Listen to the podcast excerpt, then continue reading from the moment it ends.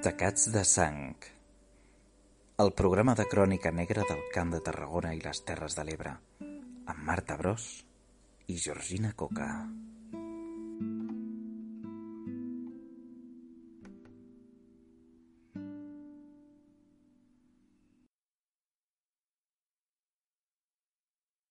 Bona nit i benvinguts a Tacats de Sang. Hem tornat. Per fi, per fi, per fi. Després de sis mesos, eh? Ens ha costat, ens ha costat, som gent ocupada.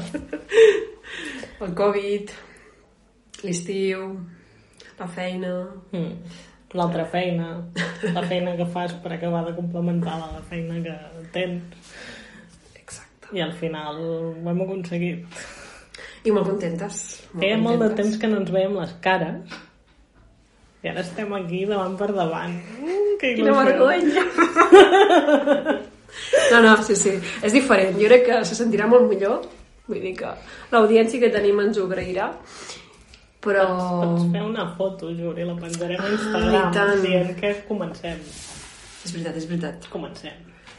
Bé, doncs, eh, arrencarem la segona temporada del nostre podcast de Crònica Negra el 2021. Esperem que sigui un any diferent, Sí. que pot ser millor. Tot i que estem molt contentes de, de, de l'audiència que estem tenint. L'altre dia la Marta em va enviar una captura de pantalla flipant de, del nostre moviment en les redes i és que ens escolta ens escolta gent de molt lluny, Marta. Ens escolta gent de molt lluny i tenim molts seguidors. I molts Vam tancar la temporada al juny, eh, que en teníem Tant, no, uns 70, pot ser, no? i ara passem dels 250. Això és Spotify. Sí. No, no, i ens escolten des de... Ens escolten des de molts llocs, ens escolten des de Ens Filipines. escolten de Filipines. Jo que es, que es manifesti qui ens escolti des de Filipines. perquè Ens escolten ens des de Nova. Zelanda. Nova Zelanda, Escòcia, Àustria, em sembla també. Sí, ens escolten des de molts llocs. Jo crec que ens hauríeu de dir, ens hauríeu d'escriure per Twitter o per Facebook o per Instagram o per on vulgueu. Sí. Ens podeu escriure al correu electrònic, que ara no us el sé dir. No, però està a iVox, em sembla, el correu electrònic. Ja, d'això. Bueno, ja el ficarem. Sí, ja el compartirem a les nostres xarxes socials i ens podeu escriure si voleu. Si no voleu, doncs no ens escriviu i tant amics. I tant, amics, però bueno, donem les gràcies a tot i a tot el que ens escolten i aquesta, aquest boom que estem tenint aquestes festes de Nadal, que, que déu-n'hi-do. Sí, la gent li agrada escoltar crims per Nadal. Muertos, estupendo. I, bueno, eh, doncs hem, estem aquí en la tercera onada ja. En quina onada estem? Ah, tercera. Hem Amb passat la mutat. primera, la segona i estem a la tercera. Ens tornen a confinar. Bueno, Més o menys. de moment no podem sortir del municipi i ja veurem quants dies dura això. Així que hem dit, haurem de crear contingut perquè la gent s'avorrirà a casa i aquí estem. Aquí estem. Doncs avui volem parlar d'un cas que és especialment dur, per dir-ho d'alguna manera, perquè Sí. la víctima és una nena petita.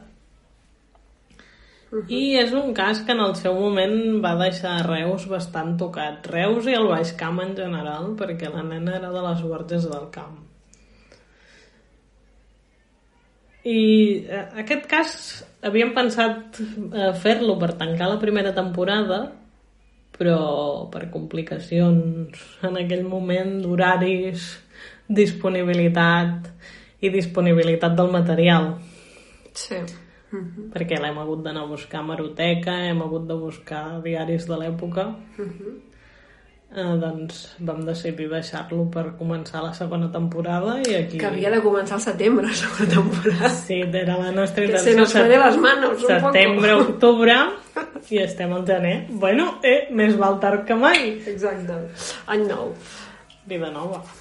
Podcast nou. No, és el mateix. Comencem pel context.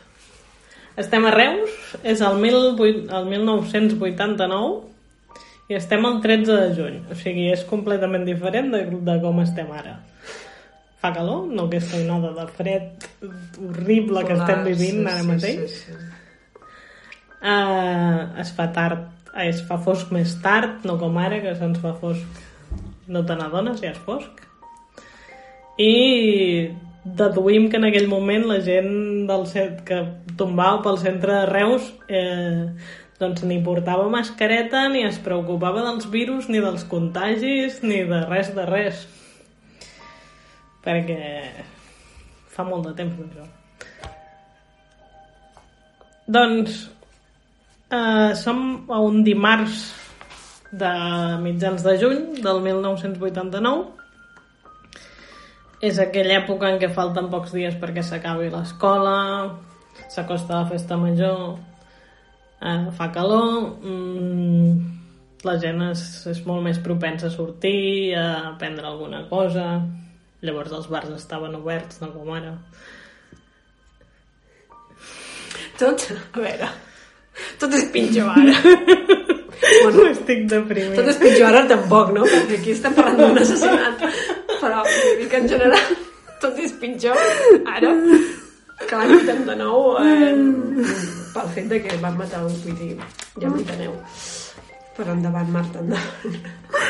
Jo estava presentant l'escena, perdoneu, que m'he deprimit una mica jo sola perquè he pensat ara ni, ni fa calor, ni, Ni podem anar als major, bars, ni podem fer Ni res. res. Ni calor, sí, sí. Doncs això, estem en un moment d'aquests i tenim la protagonista, tristament la protagonista de la història, que és una nena de 6 anys, que es deia Meritxell Palomino, i que era de les Borges del Camp, que pels que no ho sàpiguen és un poble del Baix Camp que està molt a prop de Reus, que estudiava en una escola de Reus, que és l'escola Montsant, que encara ara, però llavors encara més, era una escola familiar amb només una línia per curs on tothom es coneixia i tothom feia comunitat. I aquesta nena, doncs, aquest dimarts de juny, la va buscar la seva tieta a l'escola per anar a fer un gelat. I el lloc que trien per anar a fer el gelat és el Cafè Casino, que estava a la plaça Prim, que per indicar-vos és on hi ha el Teatre Fortuny de Reus. I és un lloc que deduïm que en aquell moment estava molt ple de gent perquè es troba al mig de l'eix comercial que és el carrer Monterols i el carrer Llobera. I sent un dimarts a la tarda a l'estiu doncs segurament hi havia molta gent per allà.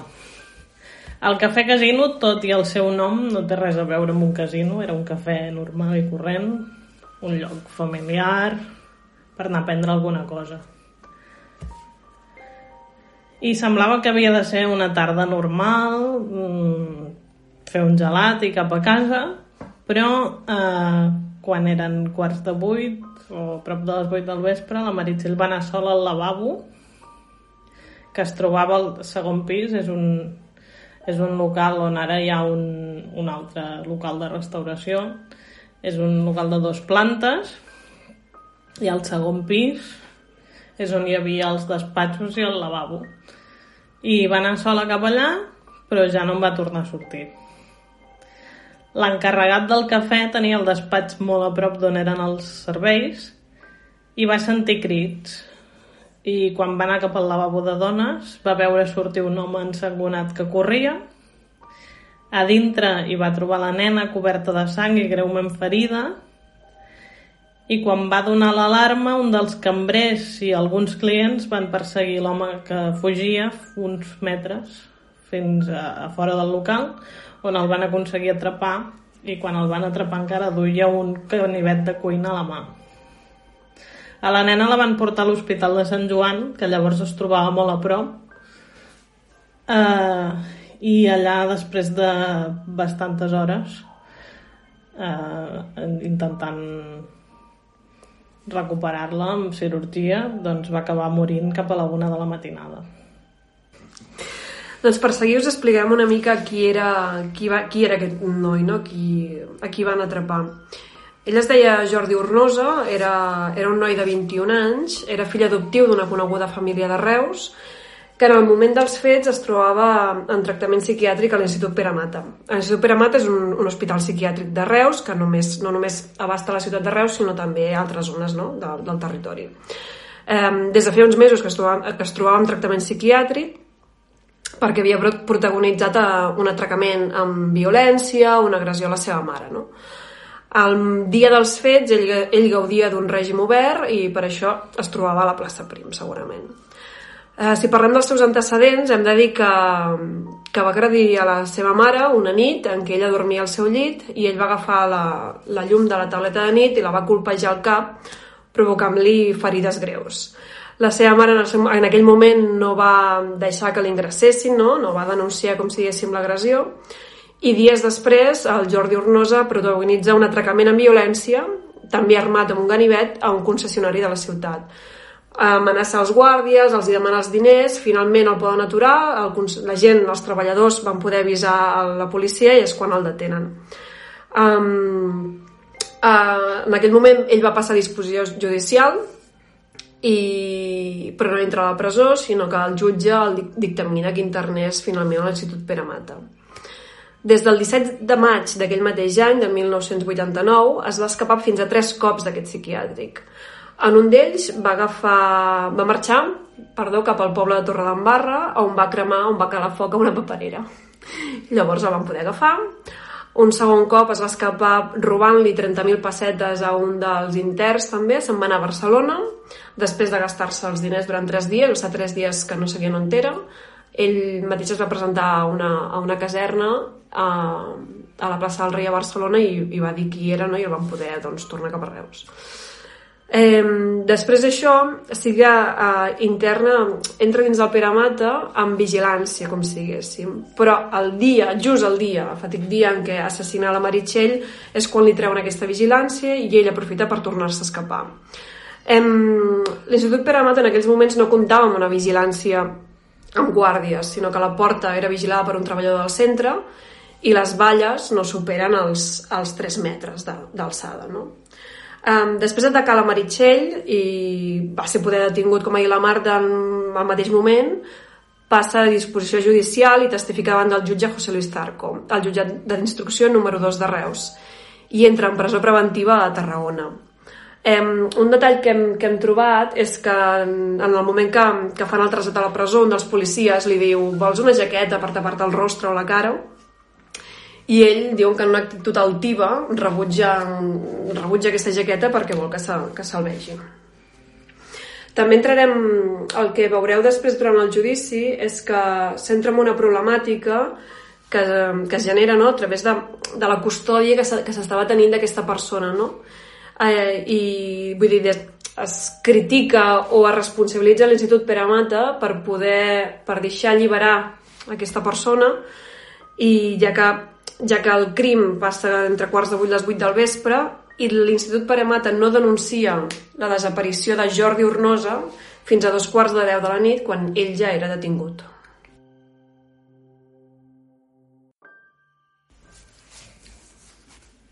Doncs ara que ja hem parlat de qui va ser aquest home que va atacar la Meritxell al lavabo del casino, eh, ens n'anem a l'endemà dels fets a l'enterrament. Ja m'he explicat que que la Meritxell era d'un poble del Baix Camp bastant petit, de les Borges del Camp, i que, a més a més, anava a una escola molt familiar i amb una comunitat molt estreta, i com era d'esperar eh, l'enterrament va ser multitudinari. I van anar més d'un miler de persones i van anar gairebé tots els alumnes, professors i treballadors de l'escola on anava la Meritxell i gairebé tot el, tots els habitants de les Borges del Camp i també autoritats i, i representants de tant Reus com les Borges. Uh, va ser un crim que va deixar molta consternació, molta estupefacció, perquè ningú s'esperava una cosa així, i més en un lloc uh, tan el que consideraríem un espai segur. Un cafè del centre de Reus, a la tarda, d'un dia entre setmana, no és el lloc on t'esperes que passi una cosa així. I això es va notar molt en el, en el xoc que va provocar. Uh, hi va haver diverses mostres de suport a la família i mostres de condol. Mm, es van penjar pancartes a l'escola Montsant i també a la mateixa plaça Prim on van passar els fets i es van fer ofrenes de flors i altres coses i també els companys de classe de la nena li van fer dibuixos i escrits que es van mostrar eh, en una mostra de de condol general. Molt bé. Doncs si expliquem el, el judici, el judici celebra dos anys després dels fets um, a l'Audiència Provincial de Tarragona, que finalment acusa Jordi Ornosa 26 anys de presó per l'assassinat i l'intent de violació de Meritxell Palomino. L'intent de violació, en el que hem anat llegint fin, el que hem anat trobant, el que hem anat llegint en, els, en les primeres notícies, no estava clar, vull dir, no se sabia ben bé si, si l'havia atacat, vull dir, si l'havia intentat violar, llavors l'havia atacat, si l'havia violat, llavors l'havia acabat, la volia matar, perquè l'autòpsia sí que el que diu és que no hi ha una violació, però bé, durant el judici sí que es demostra que hi havia, hi havia hagut un intent de violació i en el moment en què resisteix la nena és ell quan li clava la, el, el ganivet. Uh, a més, Jordi Ornosa durant el judici es declara culpable dels dos delictes.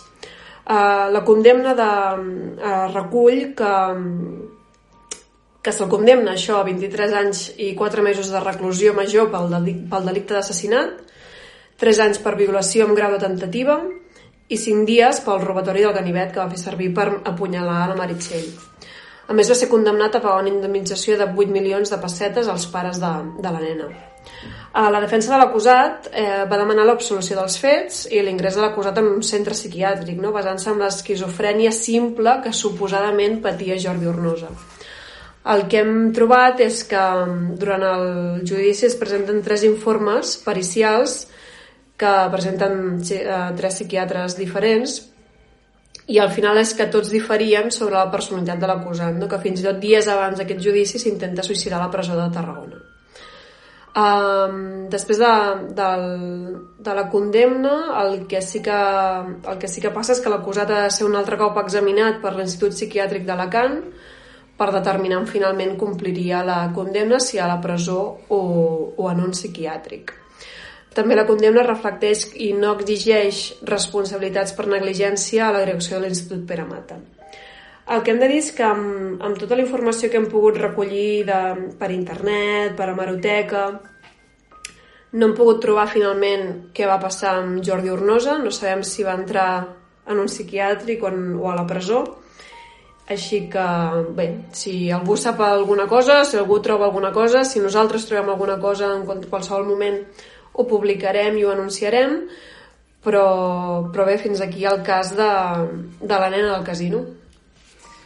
Sí, uh, és un cas que, així com a, a tall personal, uh, durant molt de temps jo em pensava que era una llegenda urbana.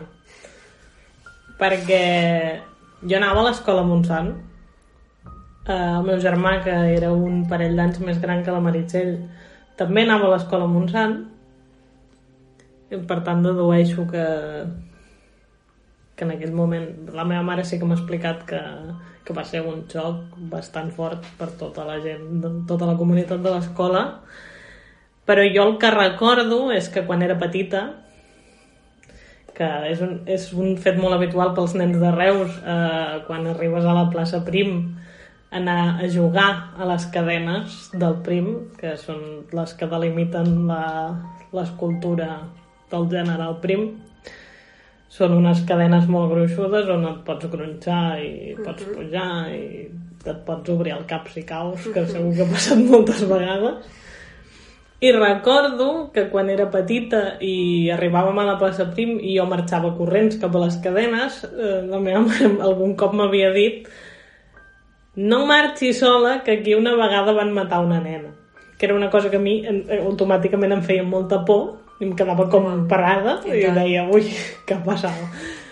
I no sé per què vaig assumir eh, això, aquesta informació que em donava en aquell moment, vaig assumir que era una llegenda urbana perquè no tenia cap altra mena de context sobre el tema, fins que més tard eh, vaig descobrir que no, que era una història real i que realment allà, a la plaça Prim, una vegada van matar una nena. Uh -huh. I no sé si tu, Jur, n'havies sentit alguna cosa o què? No, jo no n'havia sentit a parlar perquè no feia, vida, no feia vida tant al centre quan era petita, vivíem al mas amb els meus pares, llavors al col·legi a casa doncs no, no, no jugaves no? a la plaça Prim. I els meus pares tampoc és que els hi soni... Els hi sona, perquè al final, bueno, tu i jo som a la mateixa edat i això va passar quan nosaltres teníem un any. Però no, no, vull dir, crec que m'haves explicat tu el cas i, i em sorprèn haver estat tants cops a l'escenari del crim. Sí, sí, perquè al final els lavabos són els mateixos el despatx em sembla que encara hi és també perquè és com a, a la segona planta de- d'aquest local ara no? És- bueno, has de passar com bueno, has d'entrar molt al fons per arribar als lavabos i crec que encara hi ha el despatx aquí a l'entrada i a mà dreta tens els lavabos de noies i, i és curiós això, no? que molta gent de Reus està en un escenari del crim sense saber-ho segurament o, o sense voler-ho també. Sí, sí, sí. Sí, perquè ara actualment al lloc on hi havia el Cafè Casino hi ha un restaurant Viena i és un lloc molt concorregut, bueno, ara Sí, amb el virus bueno. doncs no tant, no? Però és un lloc molt concorregut i és un, un lloc de pas molt... Un lloc de pas, un lloc de quedada, un lloc de, després del teatre, a sopar sí. abans, eh, sopar els dissabtes, no? I... Però, però bé, sí, sí, és, és, es fa difícil, eh? Vull dir, explicar qualsevol cas es fa difícil, però explicar el cas d'una nena petita no saps com agafar-lo, no? Quan, quan llegia el que havia passat i qui era ell, a més les actituds, no? Perquè en alguns articles això, que era com un noi una mica prepotent, una mica, doncs, doncs pujat i... Bueno, pujat, vull dir que així com a, és molt cregut, Mm. però bueno, no sé, al final és el que hem trobat llegint i, i no sabem més i no sabem ben bé com era però que es fa difícil. Es fa difícil parlar de- d'una mort d'una nena de 6 anys. Vull dir que és, ha de ser terrible. Sí, sí. Bé, i doncs, per, després d'explicar aquesta història tan colpidora, recuperem la nostra secció de recomanacions. Eh, voldria dir en un to més lleuger, però hem triat un documental que parla d'un ca- de casos diversos, molt durs, que és el... està a HBO, es diu El asesino sin rostro, no sé per què es diu així, perquè en anglès el títol original es diu I'll be gone in the dark, que vol dir em perdré en la foscor. O sigui que el títol, bueno, ja sabem com va això de les traduccions. I és un documental que parla del cas de del Golden State Killer que també se'l coneixia bueno, abans no van identificar que era la mateixa persona se'l coneixia com el violador de la- de l'àrea est. I el l'original Night Stalker això no sé ben bé com traduir-ho uh, Night, el Night Stalker era Richard Ramírez n'haureu sentit a parlar moltíssim segurament però els crims d'aquest de- d'aquest cas són anteriors i per tant per això li deien original. Doncs eh, el fil conductor del documental és la investigació d'una periodista que es diu Michelle McNamara que es va obsessionar amb el cas aquest que no estava resolt. Era un... Realment era un cas molt poc conegut, per com ho expliquen en aquell moment, que semblava mentir, o sigui, sembla mentida que un, un assassí eh, que ha comès tants, tants assassinats i tantes violacions eh, no se n'hagués parlat mai amb la passió que hi ha als Estats Units pel true crime. I la, la periodista aquesta comença ella una investigació i es posa en contacte amb altra gent que també ha seguit aquest cas i a partir d'aquí eh, es torna a obrir. I el que, bueno, si la busqueu ho trobareu fàcilment. Eh, el Michel McNamara es va morir el 2016 quan encara el cas seguia obert i el documental que s'ha realitzat amb el cas ja tancat eh, el que fa és una mena de d'homenatge pòstum sí, Sí, i a més el cas s'ha tancat i s'ha tancat el judici enguany, no? bueno, el 2020 Sí. l'han jutjat Sí, així sí. no, no, és una passada a més està molt ben està molt ben fet és un documental que t'enganxa de seguida són uns quants capítols però fàcils de, de portar i com a molt... Bueno, és això, com que no se n'havia sentit mai a parlar i sempre tens com els típics, no? I, i el més famosillo de- Units. I bueno, és el que has dit tu, com que es confonien i com que no sabien ben bé qui era l'assassí, o si era una persona, si n'eren dos, o, o què estava passant, perquè és, és brutal al final. Vull dir que té moltes víctimes, però està molt ben fet és el documental. A mi em va, em va enganxar a la primera. Doncs eh, fins aquí el podcast d'avui. Continuarem. El nostre objectiu és tornar gravant no en sis mesos, sinó abans. Eh, tenim casos preparats, tenim casos al cap que volem, que volem explicar-vos. Així que bona nit i tacats de sang.